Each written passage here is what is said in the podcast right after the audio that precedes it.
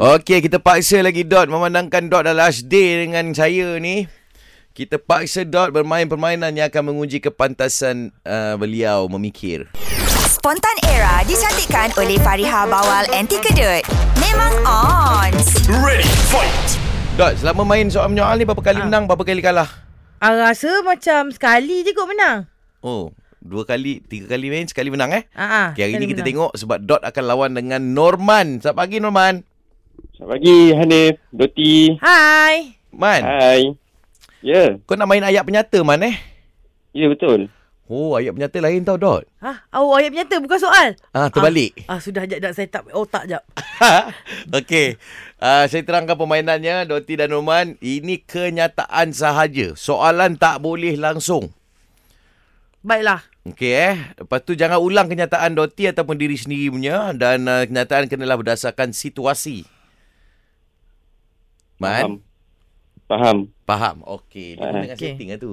Tengah setting. Uh-uh. Okey, lepas bunyi loceng Man akan start dulu. Situasinya adalah dua orang rakan nak pergi cari makan di Kelantan.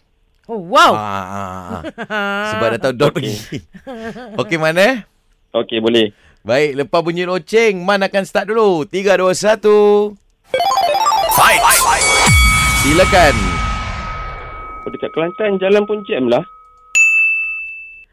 Aku tak tahu. Dekat Kelantan, makan semua sedap. Aku nak makan nasi. Diorang cakap murah-murah je makanan kat sini. Sini memang murah. Kedai semua ramai orang lah. Memang ramai.